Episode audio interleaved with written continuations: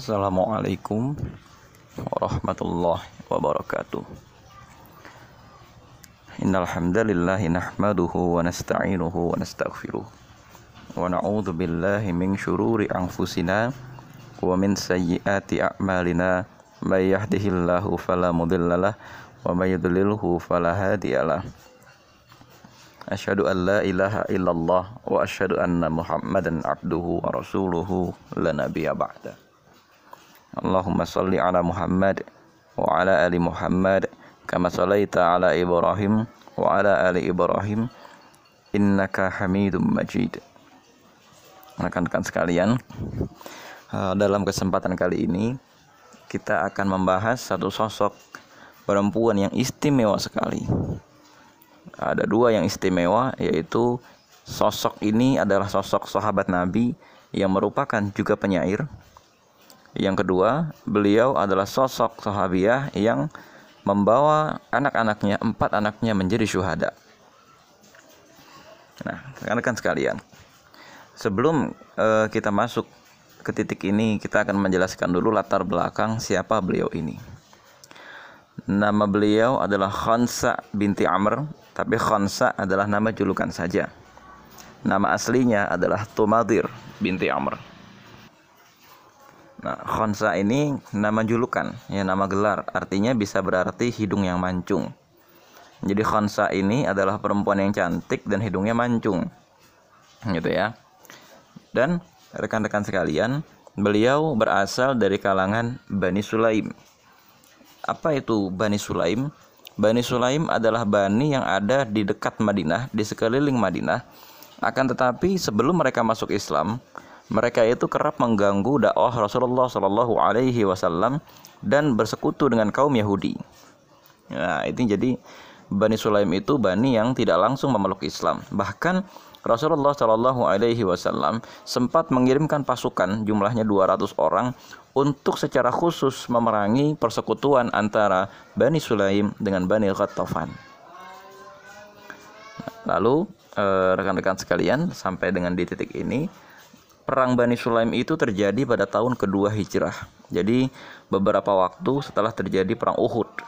Ketika kekuatan pasukan Islam pada saat itu bisa dikatakan sedang terpukul hebat akan tetapi ternyata perang terus-menerus terjadi. Saat itu Bani Sulaim dengan Bani Khatafan menyerang Rasulullah Shallallahu Alaihi Wasallam. Akan tetapi ketika Rasulullah menyusulkannya dengan sejumlah pasukan besar, Bani Sulaim dan Bani Khatafan itu kabur dan tidak jadi menyerang Rasulullah dengan meninggalkan harta mereka di tempat mereka berkemah. Nah kemudian eh, rekan-rekan sekalian, berturut-turut rombongan Bani Sulaim itu akhirnya masuk Islam sebelum kejadian Fatu Mekah. Nah, artinya sosok Khansa ini menjadi sahabat Nabi itu cukup lama. Ya, cukup uh, cukup cukup lama mengalami pendidikan dari Rasulullah Shallallahu alaihi wasallam. Di samping karena memang Bani Sulaim itu masuk Islamnya sebelum peristiwa Fatu Mekah, kira-kira sekitar dua atau tiga tahun sebelum Rasulullah Shallallahu Alaihi Wasallam itu meninggal. Ya, kalau Fatu Mekah itu kan terjadi eh, pada tahun ke-8 Hijrah. Nanti Rasulullah Shallallahu alaihi wasallam itu meninggal pada tahun ke-10 Hijrah. Maka Khansa setidak-tidaknya sempat berinteraksi dengan Rasulullah itu beberapa kali. Dan e, sampai di sini rekan-rekan sekalian, Bani Sulaim itu nanti akan menjadi pemeluk Islam yang paling setia karena berulang kali memberikan bantuan kepada Rasulullah Shallallahu alaihi wasallam di medan perang. Salah satunya pada saat peristiwa Fatu Mekah. Ya, di sana Bani Sulaim itu memeluk Islam. Dan kemudian nanti pada saat puncaknya adalah peristiwa perang Kadesia. Ya, perang di Kadesia itu adalah perang yang menjadi kunci bagi penaklukan Persia. Nah, teman-teman sekalian, sekarang kita akan bahas dulu latar belakang kepenyairan Khansa. Rasulullah Shallallahu Alaihi Wasallam itu memang adalah seorang yang seseorang yang sangat mencintai puisi, akan tetapi beliau bukan penyair dan beliau juga bukan seorang kritikus sastra. Beberapa kali uh, Rasulullah Shallallahu Alaihi Wasallam itu menghafal puisi milik orang-orang yang saat itu memang sudah terkenal. Di antara kejadian yang paling terkenal itu adalah ketika Rasulullah Shallallahu Alaihi Wasallam menghafal puisinya Umayyah bin Abi Sal Umayyah bin Abi Salt itu eh, sebelum Rasulullah diangkat menjadi nabi, dia adalah seorang penyair besar yang sudah mengumumkan kalimat la ilaha illallah. Akan tetapi Umayyah ini ingin dia yang jadi nabi. Maka ketika ternyata yang diutus menjadi nabi adalah Nabi Muhammad Shallallahu Alaihi Wasallam, Umayyah itu tidak mau memeluk Islam, hatinya jadi keras. Nah itu ya eh, rekan-rekan sekalian, jadi hatinya itu jadi keras. Oleh sebab itu Umayyah tidak jadi memeluk Islam. Rasulullah Shallallahu Alaihi Wasallam setiap kali mendengarkan bait-bait sajaknya hanya mengatakan hampir Islam dia. Itu yang kedua, teman-teman sekalian, interaksi Rasulullah dengan puisi itu misalnya terjadi e, ketika Bayatul Aqabah. Ketika terjadi Bayatul Aqabah, ada salah seorang peserta Bayatul Aqabah, seorang kepala suku di kota Madinah, kepala klan di Madinah, Ka'ab bin Malik namanya. Nah, Ka'ab bin Malik itu sebelum e, Ka'ab bin Malik memperkenalkan dirinya, ternyata Rasulullah Shallallahu alaihi wasallam telah lebih dulu menegur dirinya uh, kau Ka'ab bin Malik yang penyair itu. Nah, itu loh. Berarti Rasulullah itu gaul. Rasulullah itu tahu ini penyair nih, ini uh, apa namanya penyajak, ini penulis dan lain sebagainya. Itu. Yang interaksi yang kedua ketika Rasulullah Shallallahu alaihi wasallam itu mendakwahi seorang penyair besar yang diutus oleh kaum Quraisy namanya Tufail bin Amr ad-Dausi. Pada musim haji eh, sebelum Rasulullah Shallallahu Alaihi Wasallam hijrah ke Madinah, kaum Quraisy kedatangan seorang jamaah haji yang merupakan kepala suku kabilah Daus. Dia adalah seorang penyair besar sekali yang bahkan dia juga menguasai ilmu ruqyah di masa jahiliyah. Dia bukan dukun bukan, tapi seorang penyair yang juga menguasai ilmu ruqyah karena ada ya ruqyah jahiliyah gitu loh. Tapi dia bukan dukun, bukan. Dia bukan penyihir. Dia orang yang menguasai bagaimana cara melawan jin. Akhirnya ketika Tufail bin Amr bertemu dengan Rasulullah Shallallahu Alaihi Wasallam dan saling bertukar bertukar pikiran gitu ya. Rasulullah membacakan Al-Quran dan Tufail bin Amr membacakan puisi-puisinya. Ternyata Tufail bin Amr ad-Dausi merasa kalah di hadapan Al-Quran. Ini bukan puisi nih bukan ini wahyu. Tufail bin Amr akhirnya masuk Islam. Begitu juga kedatangan uh, seorang uh, penyair dari kota Madinah yaitu namanya Suwaid bin As-Samit Suwaid itu secara khusus karyanya menulis tentang Luqmanul Hakim. Sementara pada saat itu Rasulullah Shallallahu Alaihi Wasallam sudah memiliki uh, surat Luqman yang membahas bagaimana interaksi antara seorang bapak yang sedang mengajari anaknya dan ternyata kisah itu diabadikan kepada kita semua. Artinya begini rekan-rekan sekalian, Rasulullah Shallallahu Alaihi Wasallam itu bukan orang yang yang sekedar tahu puisi, akan tetapi Rasulullah itu betul-betul memahami puisi, memahami siapa tokoh-tokohnya, memahami uh, apa itu puisi.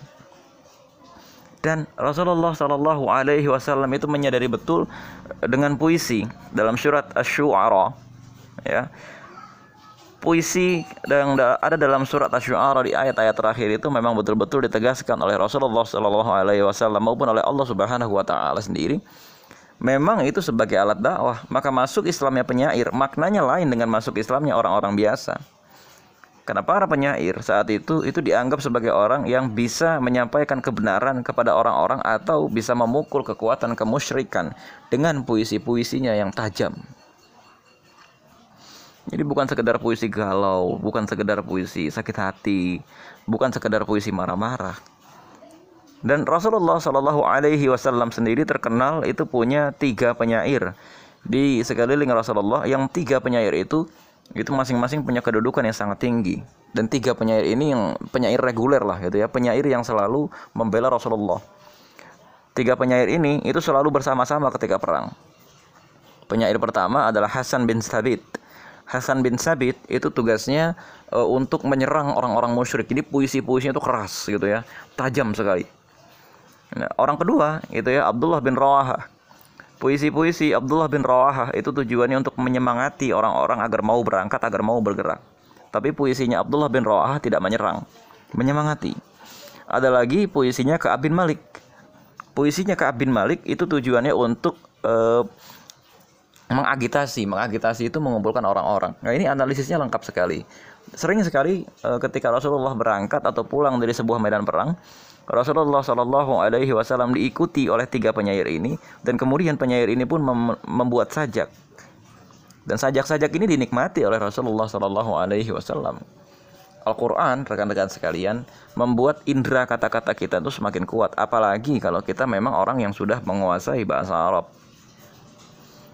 Jadi ini betapa Rasulullah Shallallahu Alaihi Wasallam dengan sastra itu hidupnya lekat. Kalau ada e, dai zaman sekarang hidupnya dengan sastra itu kurang lekat, maka kalimat-kalimat yang diucapkan itu jadi kering kalimat-kalimat yang diucapkan itu jadi tidak bermakna atau kalimat-kalimat yang diucapkan itu jadi tidak masuk ke dalam hati karena pilihan diksinya itu tidak bagus, pilihan diksinya itu kasar. Dia akan kesulitan berbicara di hadapan publik.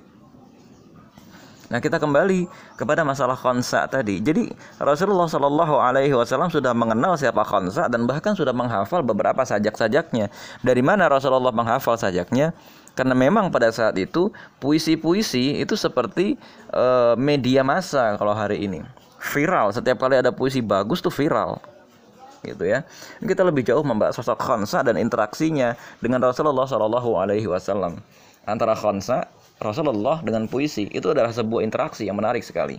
Kalau teman-teman baca sirah Ibnu Hisham, kita ketahui bahkan bibi-bibi Rasulullah adalah seorang penyair yang artinya di sini Rasulullah itu sejak kecil memang lahir di tengah-tengah lingkungan masyarakat yang sastranya kuat. Atau setidak-tidaknya Allah Subhanahu wa taala memilihkan jalan hidup Rasulullah itu dekat dengan orang-orang yang bahasanya baik. Dekat dengan orang-orang yang eh, penggunaan bahasanya itu dimaksimalkan sedemikian rupa sehingga menjadi puisi-puisi. Begitu juga dengan Khansa radhiyallahu an. Ada satu kisah yang menarik sekali e, untuk menggambarkan bagaimana kedudukan puisi-puisi Khansa di hadapan Rasulullah dan secara umum di hadapan sastra Arab pada saat itu. Suatu hari seseorang yang berasal dari kabilah Toi, ya kabilah Toi itu adalah kabilah yang berasal dari selatan Arab dan ini kabilah Kristen ceritanya. Di tengah-tengah kabilah Kristen itu ada banyak sekali legenda. Ini kabilah yang pokoknya hebat sekali. E, bahkan saking hebatnya orang-orang itu tuh menjadi peribahasa. Gitu ya. Ada seseorang namanya Qais. Qais ini dianggap paling ahli berpuisi. Ya, jadi kalau ada peribahasa di sana seperti Qais gitu loh. Ya. Wah, ini kayak Qais nih, kayak Qais nih. Atau misalnya lagi, nah di sana itu juga ada Eh, bapaknya Adi bin Hatim. Nah ini ada seorang sahabat Nabi namanya Adi bin Hatim ketika dia mau masuk Islam ngomong di tengah-tengah kami ada tiga orang paling hebat. Nah yang pertama tadi ahli puisi yaitu Qais. Yang kedua orang paling dermawan. Siapa orang paling dermawan? Orang paling dermawan adalah bapak saya sendiri yaitu Hatim. Nah ternyata uh, Hatim itu saat itu juga menjadi peribahasa si dermawan Hatim ini gitu loh. Karena oh ya sana engkau bersedekahlah sampai-sampai engkau seperti Hatim. Karena memang digambarkan sangat murah hatinya Hatim ini. Dan kemudian dia juga menggambarkan orang yang paling mahir berkuda. Saat itu orang yang sangat mahir berkuda di tengah-tengah Arab posisinya sangat tinggi di tengah-tengah masyarakat. Dan Rasulullah Shallallahu Alaihi Wasallam membantah itu semua dengan sebuah hadis. Uh, engkau nggak benar, nggak benar, gitu ya salah itu. Orang yang paling mahir berpuisi adalah Khansa binti Amr.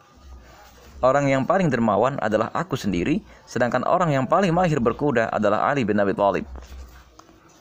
Nah, artinya di sini Khansa itu kedudukan puisinya itu sangat tinggi, sebagaimana kalau menyebut orang yang paling dermawan itu ya Rasulullah Shallallahu Alaihi Wasallam. Menyebut orang yang paling mahir berkuda itu pasti Ali bin Abi Thalib. Yang kita tahu Ali bin Abi Thalib itu selalu menjadi man of the match atau menjadi MVP dalam sebuah pertandingan. Dan Khansa itu disebut sebagai orang yang paling mahir berpuisi. Ini ini contoh bagaimana cara Rasulullah Shallallahu Alaihi Wasallam menggambarkan Khansa ini bagaimana kedudukannya. Berarti memang kualitas puisinya itu sangat-sangat tinggi. Dan kalau kita bicara kualitas puisi, kita tidak hanya bicara tentang diksi apa yang dia gunakan, kita tidak hanya bicara tentang uh, seberapa indah bunyinya, akan tetapi kita juga bicara isi. Isi puisinya apa dan bagaimana track rekor penyairnya, bagaimana pola hidup penyairnya, apakah dia betul-betul mengabadikan dirinya untuk puisi atau cuma sekali-kali bikin puisi aja. Ini nggak sederhana teman-teman sekalian. Dia bikin puisi sampai diakui oleh seorang nabi. sebagai penyair yang paling hebat, sebagai seorang sahabiah atau penyair yang diakui bahkan kedudukannya dalam bidang itu setara dengan Rasulullah dan setara dengan Ali bin Abi Thalib dalam konteks kemaksimalannya atau dalam konteks kemampuannya.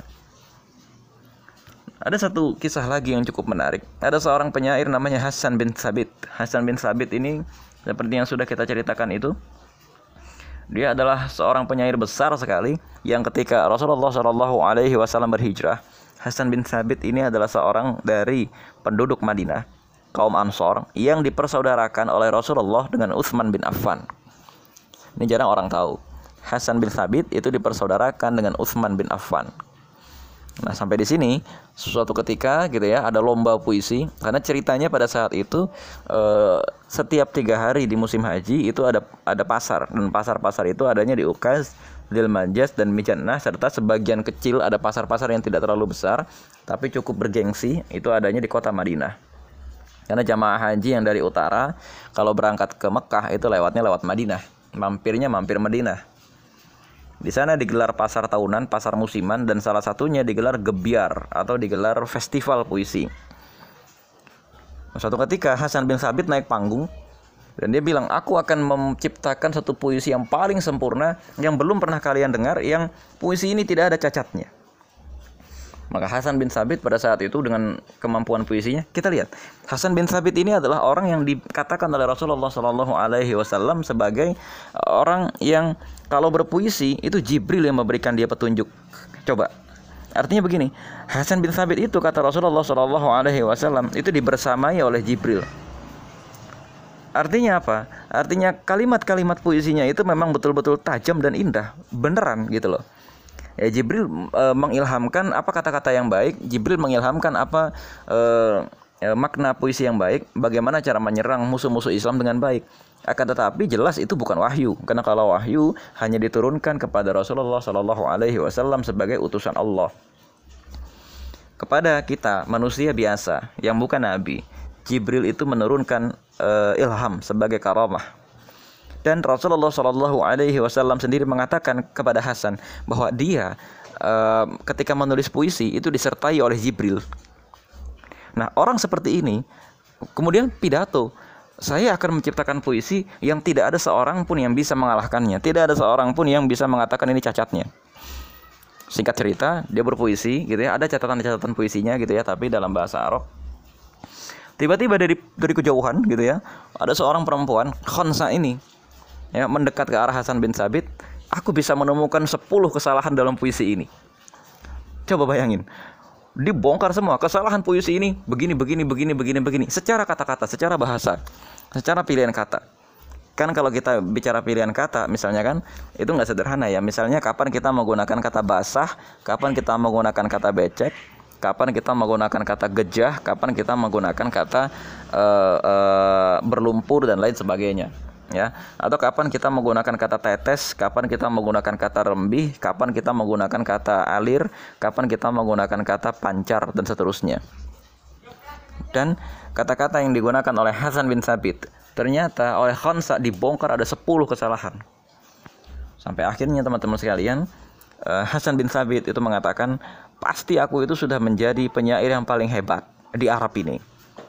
Kecuali kalau tidak gara-gara perempuan itu karena ternyata kemampuan puisi Khansa itu jauh lebih baik daripada Hasan bin Sabit, orang yang ketika membuat puisi itu disertai oleh Jibril. Nah, coba bayangkan teman-teman sekalian. Maka tidak heran posisinya di mata Rasulullah ketika Rasulullah Wasallam menjawab Adi bin Hatim tadi. Tidak heran kalau posisinya orang yang paling mahir berpuisi adalah Khansa binti Amr dari Bani Sulaim Orang yang paling dermawan adalah aku sendiri, Rasulullah, dan orang yang paling mahir berkuda adalah Ali bin Abi Thalib.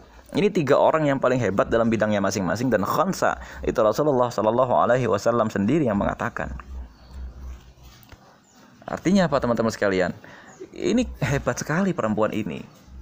Dan apa sih isi puisi-puisi dari khansa itu? Isi puisi dari Khansa ya awal-awalnya itu adalah puisi yang berisi Rita ya Rita itu atau atau Rojas ya Rita atau Rojas itu adalah puisi yang isinya ratapan ya ratapan karena saudara-saudaranya itu meninggal pada saat berperang dengan Rasulullah Shallallahu Alaihi Wasallam sebelum mereka memeluk Islam namanya Soher, salah satu saudaranya itu. Soher, uh, Soher ini kemudian meninggal dan Khansa itu selalu membuat puisi yang meratapi Soher. Karena Khansa sangat sedih saat itu. Akan tetapi ketika akhirnya Khansa itu memeluk ajaran agama Islam, Khansa tetap membuat puisi sedih tentang saudaranya tapi temanya berubah. Kalau awalnya sedih karena kehilangan, kalau sekarang sedih karena saudaranya itu akan masuk neraka. Maka Khansa terus meratapi hal itu. Nah, rekan-rekan sekalian, eh, singkat cerita gitu ya. Ini interaksi antara Rasulullah Shallallahu alaihi wasallam dengan Khansa itu begitu kuat. Rasulullah itu bukan seorang penyajak. Rasulullah itu bukan seorang penyair. Wa ma huwa biqauli syair itu kata eh, kata Al-Qur'an eh, kata, ya kata Al-Qur'an mengenai apakah ketika Rasulullah membacakan Al-Qur'an itu produk puisi? Ternyata bukan. Akan tetapi kemampuan bahasa yang baik dari Rasulullah dan para sahabat Nabi pada saat itu cukup untuk sampai bisa mengatakan Khansa adalah penyair terbaik baik dari sisi linguistik, baik dari sisi kebahasaan maupun dari sisi uh, pesan yang dikandung. Nah, kemudian singkat cerita teman-teman sekalian, interaksi Khansa dan Bani Sulaim dengan Rasulullah Shallallahu Alaihi Wasallam berlangsung uh, begitu natural, gitu ya, sampai kemudian Rasulullah Shallallahu Alaihi Wasallam itu meninggal. Beberapa kali Bani Sulaim itu mengirimkan bala bantuan ya ketika eh, orang-orang Islam itu memerangi orang-orang murtad maupun kemudian memerangi orang-orang Romawi dan orang-orang Persia. Nanti di pesan selanjutnya kita akan membahas masalah peperangan ini. Nah, uh, rekan-rekan sekalian, Khansa itu memiliki empat orang anak. Yang empat orang anak ini, kalau kita lihat dari perkataan yang Khansa kepada anaknya, ketika anaknya itu ragu-ragu, uh, berangkat ke medan perang, ragu-ragunya itu karena ini siapa nanti yang menjaga ibu kita Khonsa ini? Siapa yang bisa menjaga ibu kita? Tapi ternyata Khonsa memberikan pesan, kalian masuk Islam tidak terpaksa. Kalau gitu berangkat aja belalah apa yang kalian uh, apa yang kalian inginkan. Bela saja. Nah, akhirnya ternyata eh, rekan-rekan sekalian sampai di sini gitu ya. Keluarga Khonsa itu masuk Islam memang dengan nalar berpikir. Karena biasanya seorang penyair itu nalar berpikirnya jalan. Makanya eh, orang-orang penyair itu rata-rata dekat sekali dengan liberalis karena liberal itu kan menonjol gaya pemikirannya. Sedangkan eh, ajaran agama Islam zaman sekarang itu diajarkan tidak dengan memperkuat logika sehingga para penyair Islam itu rata-rata puisinya kurang terlalu bagus. Akan tetapi itu itu itu perkara lain ya, itu perkara di Indonesia saja. Di seluruh dunia tidak seperti itu. Nah, ini pada bagian kedua. Rekan-rekan sekalian, di dalam kesempatan kali ini kita akan melanjutkan lagi kisah Khansa binti Tumadir. Akan tetapi cerita ini berlanjut ketika Rasulullah Shallallahu Alaihi Wasallam itu sudah wafat. Apa yang terjadi? Saat itu mayoritas suku-suku mayoritas kabilah-kabilah yang ada di sekeliling Arab itu murtad. Dan kemudian termasuk juga kabilah dari Khansa ini yaitu Bani Sulaim. Nah, Bani Sulaim itu kemudian murtad tapi bedanya adalah kalau kaum yang lain itu mutlak murtad sepenuhnya, kalau kabilah Bani Sulaim itu masih ada sebagian di antara mereka yang tidak murtad. Nah, jadi di dalam internal mereka sendiri itu terjadi peperangan antara sesama Bani Sulaim yang muslim maupun Bani Sulaim yang murtad. Sampai akhirnya singkat cerita, orang-orang Bani Sulaim yang muslim itu berhasil menundukkan mereka yang kembali murtad setelah wafatnya Rasulullah Shallallahu alaihi wasallam tidak diceritakan apakah Khansa ikut termasuk ke dalam e, barisan orang yang murtad ataukah termasuk ke dalam barisan orang yang muslim. Hanya tampaknya kita lihat dari sini Khansa tidak punya riwayat murtad. Artinya dia tetap menjadi seorang sahabat Nabi yang baik. Dan orang-orang tetap bersaksi dengan itu. Artinya barangkali kemungkinan besar Khansa dan keluarganya termasuk orang-orang yang tetap teguh ke dalam Islam meskipun saat itu kaumnya itu semuanya berpaling ketika Rasulullah Shallallahu alaihi wasallam itu meninggal. Kemudian eh, saat itu setelah Rasulullah meninggal, Khalifah Abu Bakar As-Siddiq itu menjabat menjadi pimpinan umat Islam. Dan kemudian setelah para nabi palsu dan setelah gelombang orang-orang yang murtad karena mengetahui Rasulullah sudah meninggal itu ditundukkan oleh Abu Bakar As-Siddiq. Maka kemudian Abu Bakar As-Siddiq itu memalingkan perhatiannya kepada dua musuh Islam yang sangat besar yaitu Persia dan Romawi. Nah, datanglah seorang utusan dari Bani Syaiban. Bani Syaiban itu adalah satu bani yang terletak adanya di kaum apa namanya orang Arab tapi adanya di dekat Irak. Jadi ini orang Arab yang paling jauh itu namanya Bani Syaiban gitu ya. Dan Bani Syaiban ini adalah e, bangsa Arab yang sudah Islam akan tetapi dia tidak musyrik, e, sudah Islam dan tidak murtad bersama dengan kaum yang lain dan Bani Syaiban ini punya visi yang besar ingin menaklukkan Persia. Nah, kemudian mereka berkoordinasi dengan Abu Bakar Siddiq dan mengangkat pemimpin mereka yaitu Musanna bin Harithah radhiyallahu an sebagai pemimpin pasukan besar untuk menghancurkan Persia. Kenapa menghancurkan Persia? Karena Persia selama ini pasti cepat atau lambat akan menghancurkan Islam. Kalau tidak dihancurkan duluan. Jadi ini seperti kalau kita diam saja, negara Indonesia itu nanti akan dikuasai oleh Cina. Maka Abu Bakar As-Siddiq radhiyallahu an pada saat itu mengirimkan pasukan yang dipimpin oleh Musanna bin Haritha untuk mencegat pasukan Persia yang akan datang menyerbu kota Madinah. Karena gejala itu sudah mulai ada. Dan rekan-rekan sekalian, eh, dalam pasukan yang ditugaskan untuk menghancurkan Persia itu ikutlah keluarga dari Khansa binti Amr ini. Nah, jadi dia bikin puisi bukan orang yang melo, bukan orang yang tidak mau berperang, tapi Khansa bahkan ikut dalam peperangan bersama dengan empat orang anaknya. Dan ini perang luar biasa sekali. Kalau kita lihat ini perang tidak main-main. Melawan kekuatan yang terkuat di bumi pada saat itu. Melawan kekuatan manusia terkuat di bumi pada saat itu, yaitu Persia. Jadi ini tidak main-main dan itulah sebabnya banyak orang Islam pada saat itu yang enggan berangkat karena takut. Dan orang-orang pilihan Allah sajalah yang kemudian berangkat dalam peristiwa itu. Dan rekan-rekan sekalian, Jadi singkat cerita, e, kemudian Khansa dan empat anaknya itu ikut dalam peperangan untuk melawan Persia dan sampailah dia di sebuah peperangan yang peperangan ini menjadi kunci bagi terbukanya ibu kota Persia. Ceritanya Persia saat itu sudah jauh melemah karena serangan dari orang-orang muslim dan kemudian ada terjadi sebuah peperangan besar namanya peperangan Kadesia. Peperangan Kadesia ini nanti akan membuka kunci karena apa? Dalam perang Kadesia itu kekuatan militer Persia hancur berantakan. Kekuatan militer Persia hancur berantakan dan sebagian besar daerah Persia menjadi milik kaum muslimin. Ini peristiwanya panjang sekali, akan tetapi rekan-rekan sekalian, kemudian Abu Bakar Siddiq itu meninggal karena Abu Bakar hanya menjabat selama dua setengah tahun. Kemudian e, menjabatlah Umar bin Khattab dan mengirimkan satu panglima yang berasal dari sahabat Nabi juga, yaitu Sa'ad bin Nabi Waqqas untuk mendampingi e, Musanna bin Harithah tadi. Nah, dalam peristiwa inilah teman-teman sekalian, ketika pasukan itu mulai mau maju ke dalam peristiwa perang Kadesia ini, anak-anak e, Khansa itu berunding. Siapa di antara mereka yang akan tetap tinggal untuk menjaga ibu mereka dan tidak ikut berperang. Ini dalam tenda ceritanya. Ternyata ketika Khansa mendengar perdebatan itu, rekan-rekan sekalian, Khansa memerintahkan semuanya berangkat karena apa? Karena yang kita bela itu Islam. Kalau kalian memeluk Islam dengan kerelaan hati sendiri, maka belalah Islam itu dengan sepenuh hati. Nah, rekan-rekan sekalian, nggak bisa kita bayangkan kan? Eh, bagaimana keteguhan hati seorang Khansa? Bagaimana keteguhan keteguhan hati seorang penyair yang dia sudah mengerti bagaimana itu Islam, apa tujuan dia masuk Islam. Kekuatan puisi Khansa itu adanya di sini, di kisah hidup dia.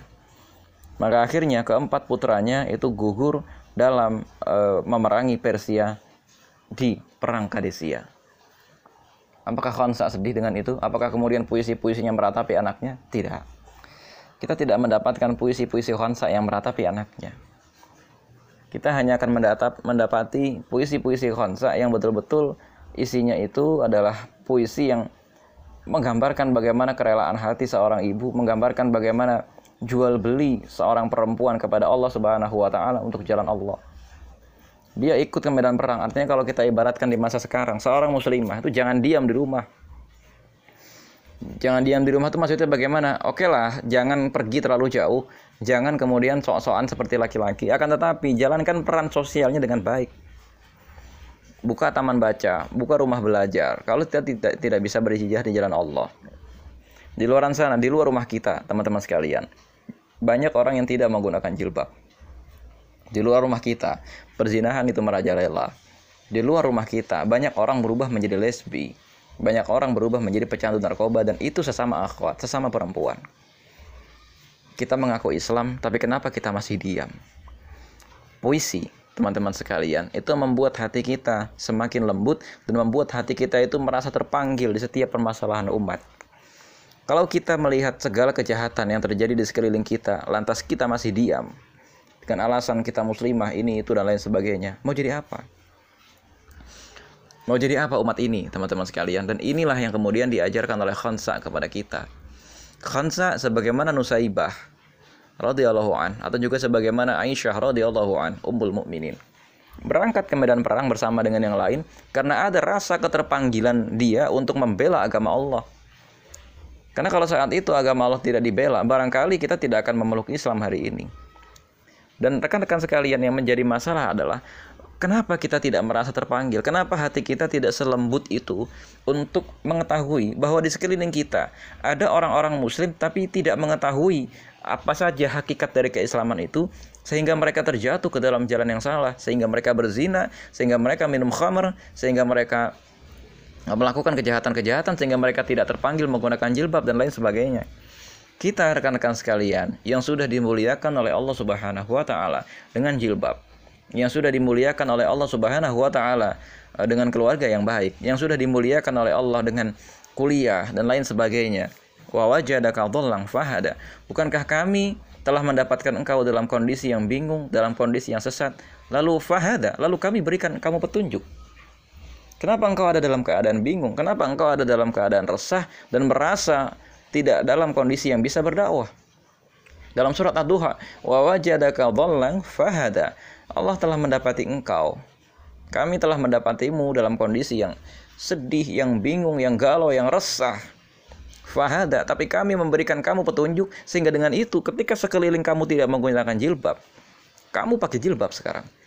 Ketika sekeliling kamu itu masih e, terjatuh ke dalam barang haram, kamu tidak menggunakan barang haram. Ketika sekeliling kamu berzina, kamu mampu menahan diri kamu sendiri agar tidak berzina. Itu tidak lain tidak bukan adalah petunjuk dari Allah Subhanahu wa taala sebagaimana Khansa juga tahu itu adalah petunjuk dari Allah Subhanahu wa taala. Ketika banyak perempuan lain, ketika banyak ibu lain tidak mengizinkan anaknya berangkat ke medan perang.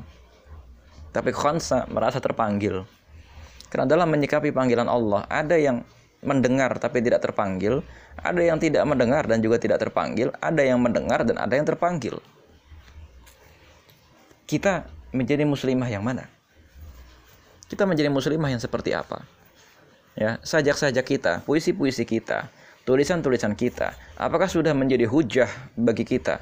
Apakah sudah menjadi uh, wadah bagi kaum muslimin untuk menyerang orang-orang kafir itu? Apakah tulisan-tulisan kita itu sudah menjadi panah-panah yang menyakiti hati orang-orang musyrik, yang menyakiti hati setiap orang yang mau merusak Islam?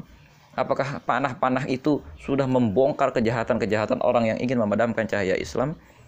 Atau kemudian ternyata tulisan-tulisan kita itu masih sebatas galau, sebatas ini, sebatas itu.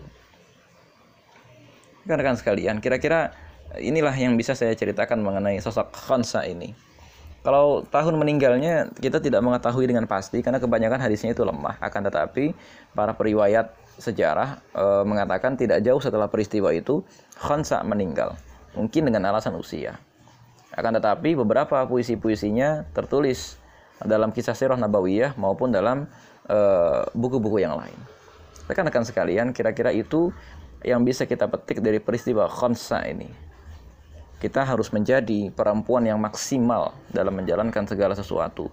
Belajarlah bahasa yang baik dan benar. Bacalah buku-buku agar bahasa kita menjadi indah, agar bahasa kita menjadi baik. Ya, jangan malas ya. Nah, gimana caranya biar suka baca buku? Nggak ada caranya. Baca aja dulu. Allah alam bisawab. Assalamualaikum warahmatullahi wabarakatuh.